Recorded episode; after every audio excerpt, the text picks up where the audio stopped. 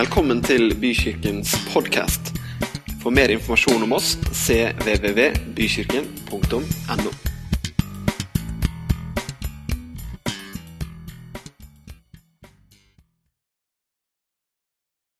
Veldig flott å se hele gjengen. Er det bra med deg?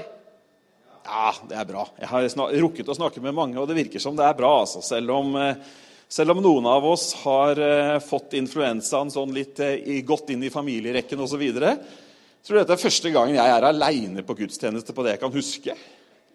Og det er gyldig fravær altså, på de tre andre som ikke er her. bare så Det er sagt. Det er sånn digital, liten, uh, liten skjerm som viser, sier et tall som er litt for høyt. Ikke sant? Dere er med på greiene. Men det går fint, altså. Det Går fint med deg òg? Ja, det er veldig bra. Dere, Det er ikke det jeg skal preke om, men jeg må, kan jeg få dele et vers med dere bare, som liksom har liksom vært med meg i uh, hele uka?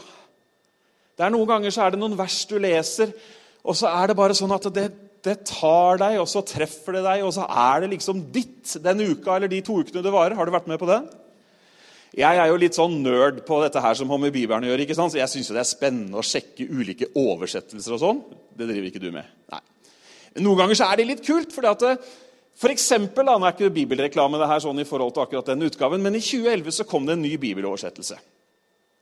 Da la de seg sånn i skikkelig særland for å gjøre språklige forbedringer som gjorde at liksom, det skulle kommunisere bedre med oss i, i 2018 og 2019. Eller da var det jo litt tilbake i tid. Og det opplever jeg noen ganger når jeg sjekker i den oversettelsen. så er det noen vers som jeg før syns var litt sånn Jo, jeg skjønner hva det er, men det klinger litt sånn ikke helt maks. Er du med på tanken? Skal fortelle deg noe morsomt. Når Luther skulle oversette Bibelen til tysk, da hadde han jo rømt. Han var i eksil. Livet hans var i fare, så han bodde oppe i en sånn eh, klosterlignende borg litt overfor en landsby. Og han lot hår og skjegg gro. Jeg ser at noen av dere er godt i gang med det. Men så tok han seg jevnlige turer ned til landsbyen. Og så sto han og hørte, lytta, hvordan ungdommen brukte språket. Og Så huska han det, så noterte han det, og så gikk han opp. Og så når han fortsatte, over, fortsatte oversettelsesarbeidet sitt, så brukte han de ordene og vendingene. Hvorfor? Jo, fordi hjertet var jo at det skulle kommunisere med folk. ikke sant? Det er jo ikke noe vits hvis ikke folk får det med seg, men i alle fall så skal du få et herlig vers. Paulus skriver til kolosserne og de i Laodikea. Og så er det bare hjertet hans som traff hjertet mitt. Og så tenkte jeg at det som Paulus ønska for de, det er akkurat det jeg ønsker for alle de jeg møter også. Og det står i Kolossebrevet 2, og det er bare ett vers. Jeg ønsker at de skal få nytt mot i hjertet bli knyttet sammen i kjærlighet og få hele rikdommen av overbevisning og innsikt, så de kan fatte Guds mysterium, som er Kristus. Jeg ønsker at de skal få nytt mot i hjertet. At de skal bli knytta sammen i kjærlighet. Og Nå er ikke dette bare én manns ønske for mange hundre år siden, men det er Guds ønske for deg og meg akkurat der hvor vi er. At vi skal få nytt mot i hjertet, dere. Amen.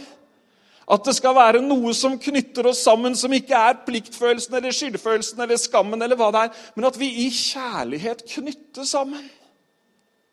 Og når, når det skjer, så, så gjør det noe med overbevisningen vår, det gjør noe med retningen, det gjør noe med fokuset vårt. Og så blir vi kanskje i stand, ut fra Skriften her, til å fatte litt mer. Til å ta tak i litt mer av det fantastiske som Gud har gitt oss gjennom Jesus Kristus. Amen. Jeg ser at I dag så skal jeg preke med sånne pedaler. Det har jeg aldri gjort før. Sånne gitarpedaler. Det er kjempespennende. Dere, Jeg skal fortelle en historie. Vi har et bilde på veggen. Denne unge mannen heter Albert. Dette bildet er sånn eh, ca. fra 1930.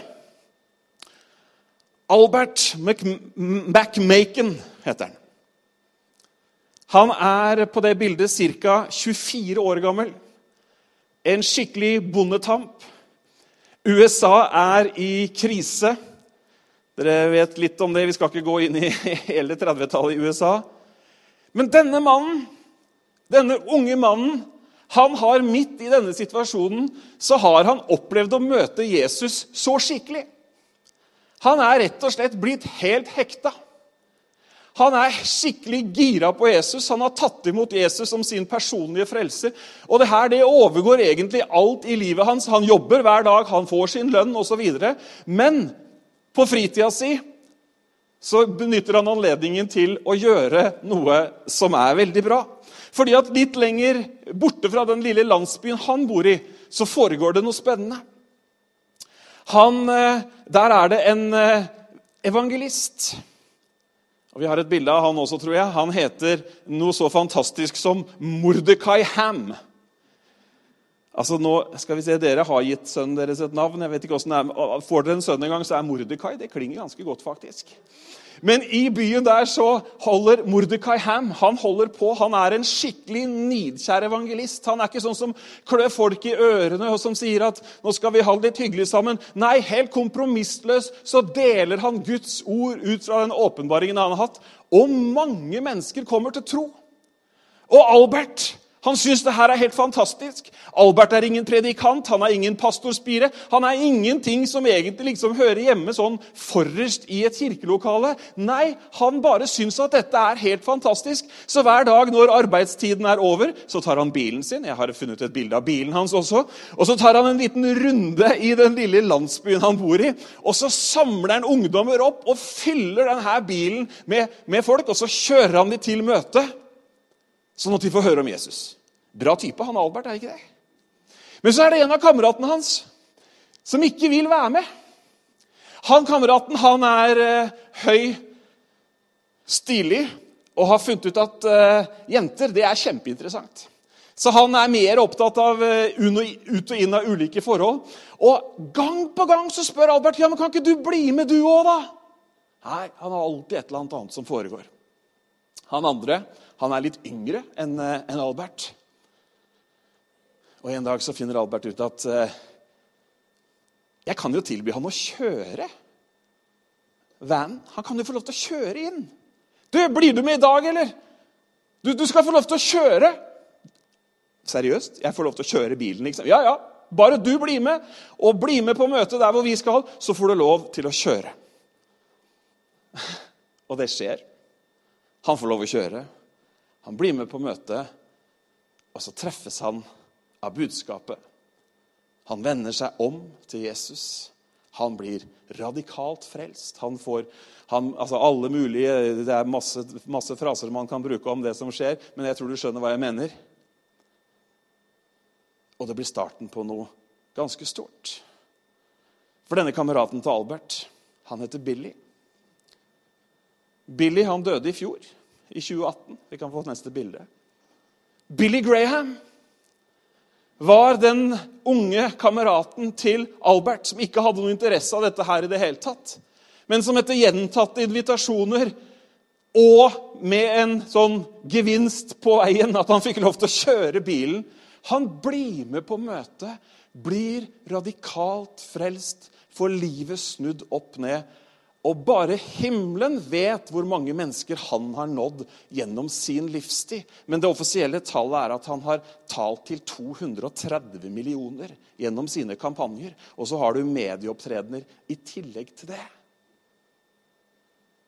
Fantastisk. Jeg vet ikke om det var mange av dere som hadde hørt om Albert før jeg fortalte om Albert, jeg fortalte om Albert i dag. Men Albert han gjorde noe som skapte fantastiske resultater. Han kasta en stein i vannet, og så har ringene nådd veldig langt. Billy Graham var den første evangelisten som slapp inn bak jernteppet. Enorme dører åpna seg for den mannen. Vi skal lese om en annen. Han heter Andreas. Og vi leser sånn som det står i Johannes 1. Dagen etter sto Johannes der igjen sammen med to av disiplene sine. Da Jesus kom gående, så Johannes på han og sa, 'Se, Guds lam. De to disiplene hørte hva han sa, og fulgte etter Jesus. Jesus snudde seg og så at de fulgte han, og han sa, 'Hva leter dere etter?' De svarte, 'Rabbi, hvor bor du?' Rabbi betyr lærer. 'Kom og se', sa Jesus. De gikk da med ham og så hvor han bodde, og de ble hos ham den dagen. Det var omkring den niende time. Andreas, Simon Peters bror, var en av de to som hadde hørt det Johannes sa, og som hadde fulgt etter Jesus. Han fant nå først sin bror Simon og sa til ham, 'Vi har funnet Messias.' Messias betyr den salvede. Så førte han Simon til Jesus. Jesus så på han og sa, 'Du er Simon, sønn av Johannes. Du skal hete Kefas.' Det er det samme som Peter. Andreas og Albert de var litt like. De hadde skjønt at det var noe. Så før Andreas, som mange vet, ble en av Jesu første disipler, så var han allerede så interessert i denne her Jesus, denne her frelseren som skulle komme, at han hadde hengt seg på Johannes, døperen Johannes. ikke sant? Men det var bare det at det å være sammen med Johannes det skapte liksom ikke full ro. Det ga ikke full tilfredshet. For det at Johannes, selv om mange gode ting skjedde med Johannes, han forkynte, folk ble døpt, og det var veldig mange bra ting, så hadde hele tiden Johannes et budskap både mellom linjene og før og etter linjene han uttalte. Det var at det kommer en annen etter meg som er større. Og denne her forventningen den var levende i Andreas. Det var den han tenkte på når han hadde noen minutter for seg sjøl. Det var den han liksom lurte på om er det uro Altså, jeg, jeg, har jo hengt meg på Johannes, og dette er jo det hotteste. Det er jo nå det skjer. Det er jo, jeg er jo midt i liksom kirkehistorien, for han, han snakker jo om Det er ingen som snakka så mye om Jesus som det Johannes gjorde. Skjønner du at Andreas var, han var der, liksom? Så står de der en dag. Og så sier Johannes, 'Se der! Der er den!' Skjønner du at, Johannes, nei, skjønner du at Andreas våkna? Andreas våkna skikkelig, for plutselig ja, men altså, du vet, De var vant til lange tidsperspektiver, dette jødiske folket. De hadde, de hadde lest profeten, og de hadde liksom, alt tok så lang tid. Det tar jo ofte lang tid når vi venter på noe. Er du enig i det? Men plutselig så sier altså Johannes, 'Se der! Guds lam.' Der er han som jeg sa han som kommer etter meg, er større enn meg. Jeg døper med vann, men han som kommer etter meg, skal døpe dere med hellig ånd og ild. Der er han som kommer etter meg, og han er så mye større enn meg at jeg er, jeg er, ikke, løsne, jeg er ikke verdt til å løsne sandalene hans engang når han skal ta seg på beina. Der er Andreas, og han følger etter. Og Jeg syns den samtalen er helt fantastisk. Jeg synes jeg ser de går litt sånn på avstand. Det var han da. Det var han Johannes pekte på. Det var han der. Og så plutselig så Du vet, Jesus han hjelper oss. vet du. Så plutselig så snur Jesus seg, liksom, og så Han sier jo ikke 'busted', 'jeg har sett at dere sniker på meg', liksom. Nei. Men liksom, hva leter dere etter, da? Det er sånn som vi ser vet du, noen ganger. Kan jeg hjelpe deg med noe når du ser noen virre rundt på et sted som ikke de hører hjemme? Og De har skjønt at han er stor, så de sier jo 'rabbi', ikke sant, som betyr stor lærer og oser av respekt. Og jeg synes Det er bare helt fantastisk, dette spørsmålet. 'Rabbi, hvor bor du?' Jeg vet ikke om det var veldig vesentlig hvor Jesus bodde. Han hadde jo ikke noe bolig. Mest sannsynlig så holdt han til på et herberge for tiden. Men det var liksom det de kom med. Ja, 'Hvor bor du?' Men Jesus er grei. vet du. Han tåler dumme spørsmål. Er du ikke glad for det? Bare still alle de dumme spørsmålene dine til Jesus. Han har hørt alle sammen før, og han har svar på dem. Så han sier, 'Nei, men kom og se, da. Kom og bli med.' Og så blir de jo hos han resten av den dagen. Men for Andreas så faller brikkene på plass. Det er han. Det er Messias. Det er Frelseren. Det er han de har snakka om. Det er han Johannes har hele tiden mast om at som skal komme, som er større. Det er han. Han får et møte med Jesus. Akkurat som Albert hadde fått et møte med Jesus, så får han et møte med Jesus. Og så forter han seg bort til broren sin, og så sier han, 'Vi har funnet Messias'. Men det er ikke bare det at han sier 'jeg har funnet Messias'. Han tar broren sin, og så står det at han fører han til Jesus. Det er ikke godt å endelig komme fram, Stian. Vær så god, sitt. Altså, Andreas gjør jo ikke det veldig mange av oss hadde gjort hvis vi hadde funnet en skatt. Jeg så et program her for, for en stund siden om en gullgraver. Og Det var en mann med kamera og, som fulgte denne her gullgravinga. Og Han var kjempenøye han gullgraveren, på at ikke han skulle sveipe liksom sånn at noen kunne kjenne igjen naturen og området hvor han var i. Var det noen som så han på TV, kanskje? Så ja, Eva, du så det. Og det var viktig. For tenk hvis noen fant det stedet hvor han hadde funnet gull. Det er jo den egoistiske reaksjonen, ikke sant? Jeg har noe som ikke du har. Nei, Andreas han tenker helt annerledes. Han fører Andreas Nei, han, Andreas han fører broren sin til Jesus. Og så sier Jesus disse ordene som er så kjente. Jesus så på han og sa, 'Simon, sønn av Johannes, du skal hete Kefas.' Det er det samme som Peter. Andreas gjorde den største tjenesten han kunne gjøre for sin bror. For noen år siden så skrev erkebiskopen i Canterbury en bibelkommentar til Johannes evangeliet. Og når han skal kommentere akkurat denne setningen 'Andreas førte Peter til Jesus', så skriver erkebiskopen i sin kommentar han gjorde den største tjeneste man kan gjøre for noen annen. Fantastisk. Og så vet vi det at Peter, akkurat som Billy Graham, eller i hvert fall ikke akkurat, men litt i samme kategori da, Altså, Dere har fått med dere at Peter har en svær kjerke nede i Italia som er oppkalt etter han? Sankt, eller Peterskirken? Fått med deg det? Han står jo som en av pilarene, han står jo som en av eksemplene. Han er jo en av de store apostlene. ikke sant? Peter! Alle kjenner Peter. Men Andreas, han hører vi ikke stort om. Og hver gang vi hører om ham, så blir han presentert som Andreas' bror til Simon Peter.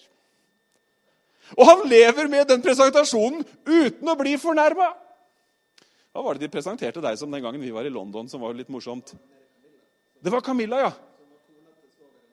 Ja. Da føler du deg nær. Her sitter kona til svogeren til Bent Ove. Altså ikke søstera til Bent Ove. men ja. Det har vi måttet jobbe en del med siden. Men, nei, men ikke sant? Det er, det, er, jo ikke alltid like moro å komme og være i altså, Hvis noen skal presentere deg, så er du alltid broren til eller Å, du verd hvor mange ganger jeg har vært sønnen til Alfred eller Hallo? Noen ganger har man et visst behov for å si 'Jeg har også et navn'. Ja, altså. Og jeg kan tenke meg at Andreas han var litt sånn 'Unnskyld meg, folkens, men det var jeg som fant han først.' Hallo? Det er jo dårlig gjort. Det var han som fant Messias. Det var han som leda Peter til Men nei, ikke i det hele tatt. Andreas har rollen sin i kulissene og lever utrolig godt med det. Vi møter Andreas litt seinere i Johannes evangelium. Hvor mange har hørt historien om da Jesus skulle mette 5000? Det var en stor utfordring. Det var fryktelig mye folk, og de var sultne. Og hva skal vi gjøre nå? Jesus sa dere skal gi dem mat. Da er Andreas der igjen. Og da står det Andreas, bror til Simon Peter. Du skjønner, Han løste hele situasjonen. For han tar den der 'jeg fører ting til Jesus', så ordner det seg. Så han tar en gutt med fem små brød og to små fisk til Jesus. Jesus velsigner det, og så er det mat for hele gjengen. Han har skjønt mye, han Andreas. Har de ikke det? Litt seinere i Johannes, Johannes 12 så har Jesus reist inn i Jerusalem. Det har vært oppbud, og de religiøse de sliter jo med hele greiene. Men det kommer, noen, det kommer noen grekere til noen av disiplene. De kommer til Philip, faktisk. Og så sier de, 'Vi vil se Jesus', sier grekerne. Det er herlig vet du, når folk har liksom skjønt at det er noe de skal se. Og Philip han blir litt forfjamsa. Eh, grekere, hva, hva skjer nå? Så han går til Andreas. Han er god på dette. Hva tror du Andreas gjør? Går og forteller det til Jesus. Fører dem til Jesus, setter dem i kontakt med Jesus.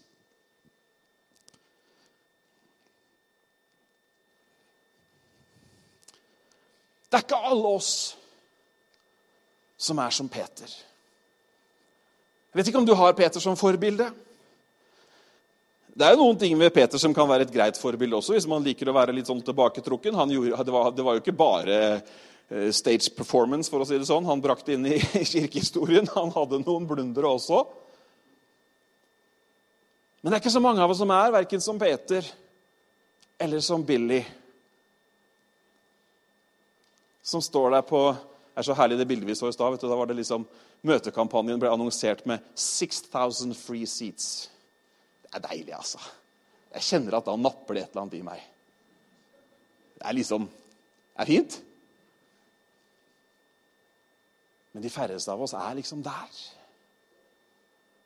Og de færreste av oss kommer til å bli stående som apostelen Peter eller Paulus for de kommende generasjoner. Men å gjøre den største tjenesten vi kan gjøre for et annet menneske. Sånn som Albert gjorde. Sånn som eh, Andreas gjorde. Det tror jeg vi alle kan. For det er jo Jesus vi fører de til. Du vet, Mange ganger så er vi litt sånn tilbakeholdne. I samfunnet vårt så ser vi at troen i stadig større grad blir privatisert. Hvis dere har fulgt med litt i mediene de siste par ukene, så er en av de tingene i, i, i den kristne verden eh, som har gått igjen, er dette med at bare én av fire studenter sier, sier noe om Jesus. Altså venter med å si noe om Jesus til de liksom får et personlig spørsmål. Altså, Man deler ikke tro. Det er lærere rundt om på norske skoler, kristne lærere med fartstid i menighet og kirke, som ikke tør å være voksenkontakt når laget eller ny generasjon ønsker å etablere seg. Vi har blitt litt sånn stille. Vi har blitt litt sånn tilbaketrukket. Vi tenker at det hører privatlivet til. Vi tenker at det ikke er politisk korrekt. Hvor ofte har ikke jeg, og sikkert du også, av hensyn til egen komfort, styrt unna tema over lunsjbordet eller når man har møtt noen. Jeg er jo litt sånn heldig, da, for det er fryktelig vanskelig for meg å styre unna tema. Men det har ikke alltid vært det. Det, det blir bare veldig kleint hvis jeg styrer unna temaet, kan du si. Ja, du er pastor, ja. Nei, nei, ok, jeg får finne noen andre å snakke med, da.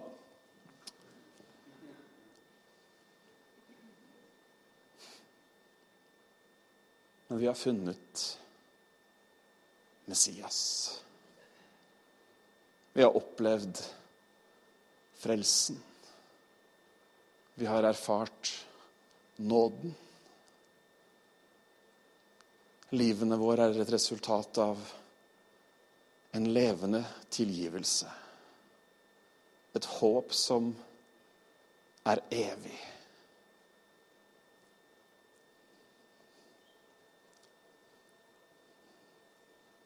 Jeg vil våge å påstå at det største privilegiet du og jeg kan ha som mennesker, er å få gjøre det som Andreas gjorde, det som Albert gjorde føre noen til Jesus. Å føre noen til han er helt avgjørende for det mennesket. Jesus sier, 'Jeg er veien, jeg er sannheten, jeg er livet'. Ingen kommer til far uten ved meg. Så det handler altså om å føre et medmenneske til Gud. Han som er far, han som er skaper, han som har alle svarene, han som gir evig liv. Kanskje tenker du som jeg tenker, at å, å, å frelse noen, det, det, det, klarer jo ikke jeg. Og det er, helt, det er helt sant. Det klarer ikke du og jeg. Det er Jesus som frelser. Ofte så har jeg tenkt, kanskje du også har tenkt, at Vet ikke helt om det er greia for hun, altså. Eller vet ikke helt om han er der, liksom. Can can I get a witness? Ser ikke helt for meg hun i bykirken, liksom. Og så han da som har han som er, har de politiske uttalelsene, liksom. Åssen funker det i kafeen, liksom? Tenk hvis han møter hun, og så møter Kanskje ikke du har tenkt så langt, men poenget mitt er at vi ofte finner oss selv i en situasjon hvor vi, vi på en måte, vi, vi tar avgjørelsen for dem omtrent. Unnskyld meg, men hallo? Men du skjønner, det er ikke vi som skal frelse. Det er Gud som frelser. Vår jobb er å føre dem til Jesus, og så får vi la Gud være Gud. Herlig. Du skjønner at han har snudd opp ned på håpløse tilfeller sykt mange ganger før. Du kan jo bare ta en liten titt rundt deg. Det er jo helt utrolig at han har frelst deg og meg. Det er jo helt utrolig. altså. Hva er din historie? Jo, du var ganske langt borte. Kanskje du var en sånn som de andre kristne tenkte Nei, jeg tror ikke helt jeg skal spørre om hun har lyst til å bli med.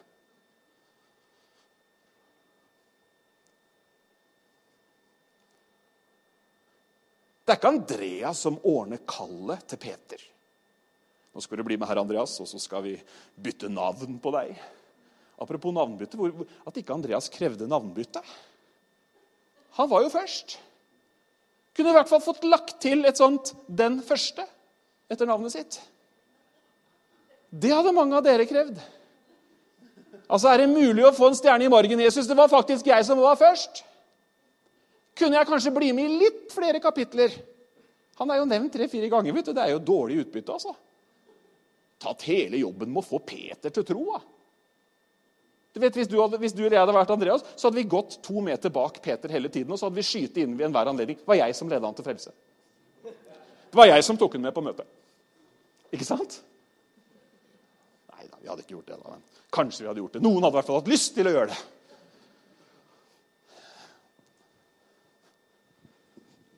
Men dere Kanskje vi bare skal ta dem med til Jesus? Kanskje vi bare skal bli med hit, da? Vet du, Jeg elsker sånne historier om folk som har havna på sånne møter som de kristne ønska at ikke de skulle havne på.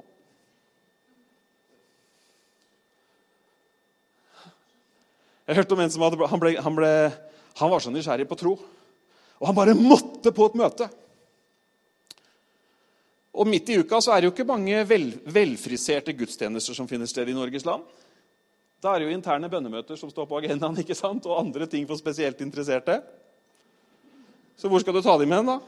Han her ga seg ikke, og han havna på et bønnemøte. Og den personen som hadde han med på dette bønnemøtet, tenkte dette kommer aldri til å gå bra. Dette kommer til å være siste gangen han noensinne setter sin fot innenfor en, innenfor en menighet. For det var bønnemøte, og det var pinsevennbønnemøte også. Og de gråt, og de ba. Til og med i tunger ba de. Og hvis historien er helt riktig, så lå til og med en av predikantene der på gulvet og ba. Og du vet, det er, du, det er da du ser etter et hull i bakken. For dette er ikke korrekt, og dette er ikke fint, og dette er ikke planlagt. Dette er ingenting. Men Gud var der. Og noe nytt starta. Jeg kan flere sånne historier. Jeg husker en gang i min barndom, så jeg husker jo ikke akkurat det, men jeg var til stede da det skjedde. Så var det noen som gjorde som Andreas. da og som Albert, tok med noen på møte. Og akkurat på det møtet så ble det litt ekstra salig for en av de litt originale i forsamlingen.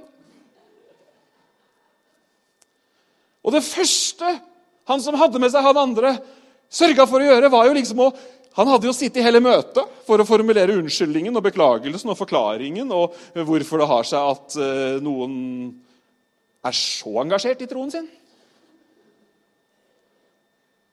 Og han setter i gang med denne unnskyldningen når de kommer på utsiden. Og denne nye som har vært med, sier bare 'Jeg skjønner ikke hva du snakker om'.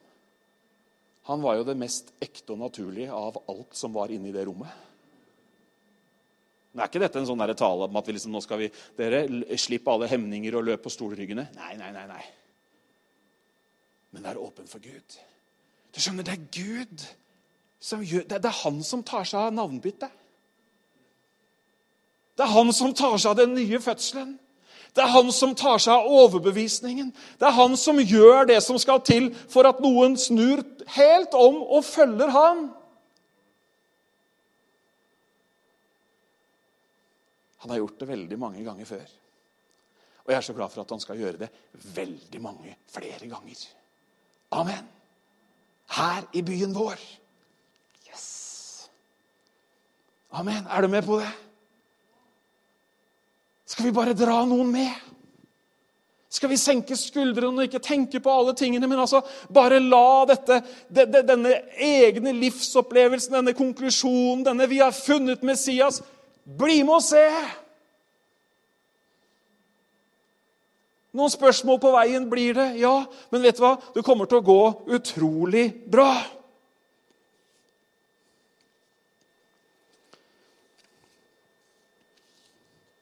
Hvem førte deg til Jesus? Husker du det? Du skjønner at For veldig mange av oss så var det en som hadde sånn Albert Andreas-funksjon i livet vårt. For mange så var det mamma og pappa. For resten så var det venner eller bekjente eller kollegaer. Noen tok deg med. Noen betalte for ungdomsleiren du var med på. Den ungdomsleiren hvor du tok et standpunkt. Den ungdomsleiren hvor du ble fylt av Den hellige ånd. Den ungdomsleiren som ga retning for livet ditt. Noen førte deg til Jesus, og Gud gjorde resten. Noen inviterte deg med inn på en kopp kaffe. Noen lot sine varme øyne og sitt bankende hjerte vendes mot deg og din livssituasjon. Sånn at, bare, sånn at du bare så at her er det noe mer. Og så starta et nytt liv. Kanskje radikalt, kanskje som en prosess. Spiller ingen rolle. Men noen førte deg til Jesus. Vi skal lese et skriftsted, og det står i Korinterbrevet, første Korinterbrev, kapittel 3.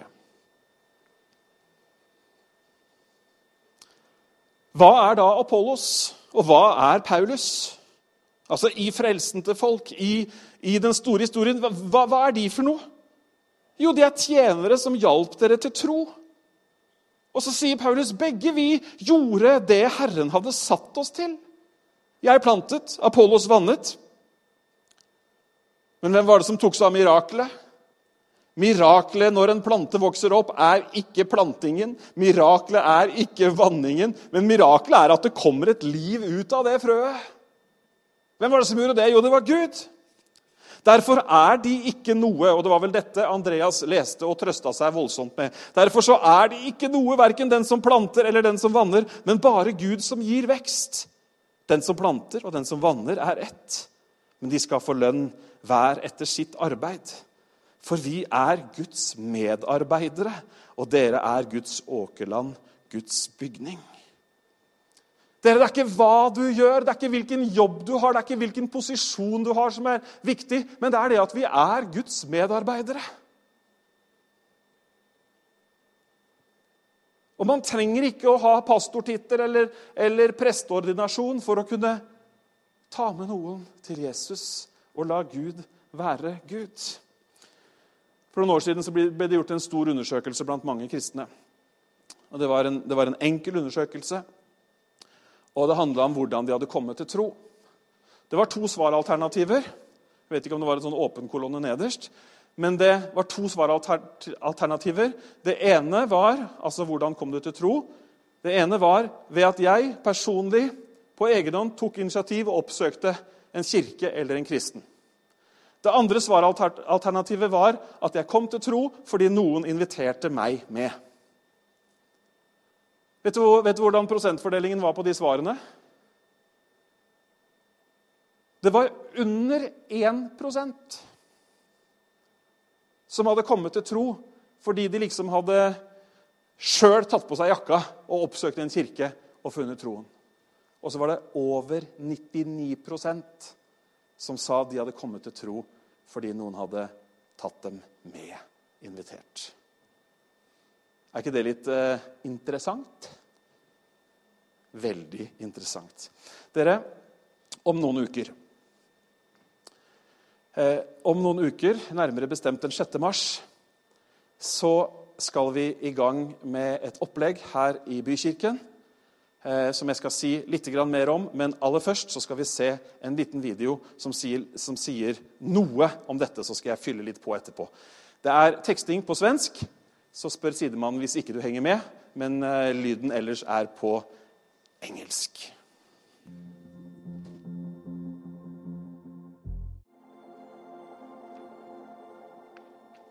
Var ikke det bra?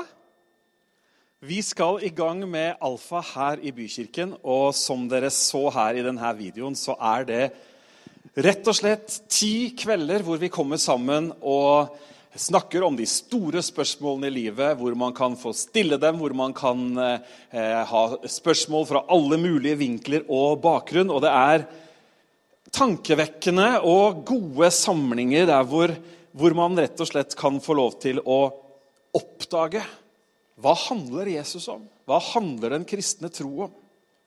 Og så er det kanskje noen som tenker ja, men hvem er det for? Det må jo være for noen som er superinteressert. Eller jeg vet hva, alfa er egentlig for alle. For de som ennå ikke kjenner Jesus, så definitivt er det en kjempegod innføring i den kristne tro. For de som har vært med lenge, så er det definitivt en ny måte å snakke om og samtale med andre om de sentrale temaene i den kristne tro. Og det er en fantastisk anledning til å invitere noen med. Selv om vi forsøker vårt beste på en søndag som dette, så er, ikke, så er ikke søndagsformatet det som passer alle mennesker. For noen så vil det å møtes i en litt mindre setting her ute i kafeen en onsdag kveld med et godt måltid sammen, med, en, med, med, et foredrag, en tale og med andre innslag og en god samtale, det vil være en kjempegod anledning til å få svar på de gode spørsmålene i livet. Vi er godt i gang med planleggingen. Vi har eh, mye av gruppeledere og osv. på plass allerede. Men vi gleder oss virkelig over denne her anledningen til å bruke den aktivt til å faktisk føre noen til Jesus. Vi har stor tro på dette her, og vi gleder oss over det. Og du er veldig eh, medregnet og velkommen til å være en del av disse kveldene. Om du tenker at du er utlært, så fint. Kom, så skal vi finne ut at ikke du er utlært. Om du tenker at eh, de trenger noen orakler til å svare på alle spørsmålene, du er kjempevelkommen. Om du tenker at jeg kan ikke svare på et eneste spørsmål, da er du også veldig velkommen. La oss gjøre dette her til en kjempegod greie, rett og slett hvor, hvor vi får oppleve også at mennesker føres til Jesus. På stolene deres så ligger det bønnekortene. De har dere sett før. Jeg har lyst til å utfordre deg til å skrive to-tre navn på det bønnekortet. Kanskje det er navnet på noen som du har tenkt nei, det er helt umulig at han kan komme til tro. Eller kanskje det er noen du tenker at hun har jo egentlig vært litt interessert. Men jeg har lyst til, lyst til å utfordre deg til å gjøre noe så konkret som å skrive to-tre navn på det kortet. Og så kan du gjøre to ting med det kortet. Du kan enten legge det i Bibelen din, sånn at det er der hver dag du åpner Bibelen og kan be ekstra for dem. Eller så kan du brette kortet og legge det i den glasskrukka ute på infostanden. Og så husker jo du navnet, så du kan skrive dem opp en gang til. Men da kommer også staben og lederskapet her til å ta dette med hver gang vi ber framover. Deal? Kan vi gjøre det sånn cirka på den måten? Bra. Eh, dere, vi har spennende tider foran oss. Vi har eh, mange mennesker som vi er i berøring med. Paulus sier én ting som jeg har lyst til at dere skal ta med dere videre. Han sier at 'jeg skammer meg ikke over evangeliet'. For det er en Guds kraft til frelse for hver den som tror. For i det åpenbares Guds rettferdighet. Det er når mennesker får oppleve evangeliet rent, tydelig, klart. At de kan se seg selv som en ny skapning med et evig håp. Og det er det vi kan det er, det vi har fått som oppdrag, og det er det vi kan få lov til å oppleve som et privilegium i våre liv. Når vi går ut i dag, så står Jakt der med noen, eh, noen sånne alfa-brosjyrer. Og så er det bare å ta kontakt hvis det er noe som helst dere lurer på. Eh, om du har lyst til å bidra praktisk, om du har lyst til å være med og le. Altså, whatever, bare snakk med meg. Det er ikke så store forhold her at ikke vi ikke klarer å finne hverandre. Men eh, la oss gjøre det. Skal vi gjøre det? Skal vi be sammen? Kjære far, jeg takker deg for ditt eh, ord til oss i dag. Jeg takker deg for det kallet du har gitt oss. Jeg takker deg for det oppdraget du har gitt oss. Og så takker jeg deg for alle de mulighetene du har gitt oss. Takk, far, at vi får være dine.